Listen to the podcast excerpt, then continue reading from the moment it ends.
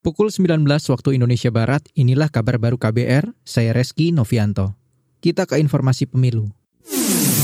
Kabar Pemilu. Kabar Pemilu. Lembaga survei Saiful Mujiani Research and Consulting SMRC menyebut bakal calon presiden dari PDI Perjuangan Ganjar Pranowo berada di posisi teratas pikiran masyarakat atau top of mind. Direktur Riset SMRC, Denny Irvani mengatakan lebih 35 persen masyarakat sudah mempunyai calon presiden pilihan. Ia memerinci, dari survei SMRC, Ganjar mendapatkan suara lebih dari 22 persen, sedangkan Prabowo 20 persen. Nah, jika tiga nama ini yang maju sebagai calon presiden dan pemilihan diadakan ketika survei, Ganjar mendapat 35,9 persen, ya, kemudian Prabowo Subianto 33,6 persen, Anies 20,4 persen, dan yang belum tahu ada 10,1 persen. Lagi-lagi Mas Aidiman, ini juga selisihnya sangat ketat antara Ganjar dan Prabowo. Direktur Riset SMRC Denny Irvani mengatakan, dukungan Dukungan spontan kepada Ganjar naik dari 6 persen menjadi 28 persen. Prabowo menguat dari 13 persen menjadi 20 persen. Sedangkan Anies Baswedan naik dari 6 persen menjadi 12 persen. Survei ini dilakukan pada 31 Juli hingga 11 Agustus 2023 dengan populasi WNI yang mempunyai hak pilih pada pemilu 2024. Kita ke informasi lain. Pemerintah membeberkan tantangan Indonesia dalam menerapkan revolusi industri keempat atau yang dikenal dengan Industri 4.0 atau 4.0.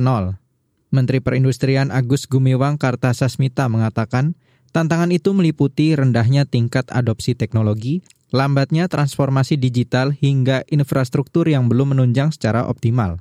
Hal ini ditunjukkan dengan survei competitiveness Indonesia yang dilakukan oleh AMD World Digital Competitiveness Ranking atau WDCR tahun lalu 2022 di mana Indonesia hanya berada pada ranking 51 out of atau di antara 63 negara lainnya. Artinya Indonesia belum masuk ke dalam status atau kategori technology driven country.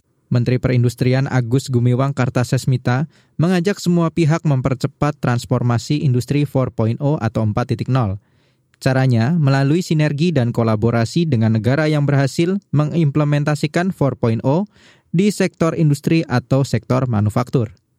Kolaborasi itu, kata Agus, harus melibatkan pemerintah, pelaku usaha, hingga akademisi.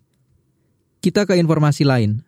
Pemerintah Provinsi DKI Jakarta mengimbau perusahaan swasta mendukung perbaikan kualitas udara dengan menerapkan kebijakan kerja dari rumah atau work from home Penjabat Gubernur DKI Jakarta, Heru Budi Hartono mengatakan, kerja dari rumah juga diharapkan dapat mengurangi tingkat kemacetan lalu lintas di ibu kota. Heru Budi mengatakan, pemerintah berupaya menekan tingkat polusi udara dan kemacetan demi kelancaran dan kenyamanan saat penyelenggaraan konferensi tingkat tinggi atau KTT ke-43 ASEAN pada 5 sampai 7 September mendatang. Ya, kalau pihak swasta yang bisa home tanpa mengganggu ekonomi dan aktivitas bisnisnya, ya silahkan. Dari hasil diskusi tadi Pak di atas bisik-bisik, dampaknya adalah lalu lintas 4% berkurang. Lumayan. Penjabat Gubernur DKI Jakarta, Heru Budi Hartono, berencana mengundang asosiasi perusahaan swasta untuk membicarakan lebih jauh terkait rencana tersebut. Pemprov DKI Jakarta sebelumnya sudah lebih dahulu memperlakukan kerja dari rumah bagi sebagian aparatur sipil negara ASN selama sebulan sejak 21 Agustus lalu. Pukul 19 waktu Indonesia Barat, inilah kabar baru KBR, saya Reski Novianto. Kita ke informasi pemilu.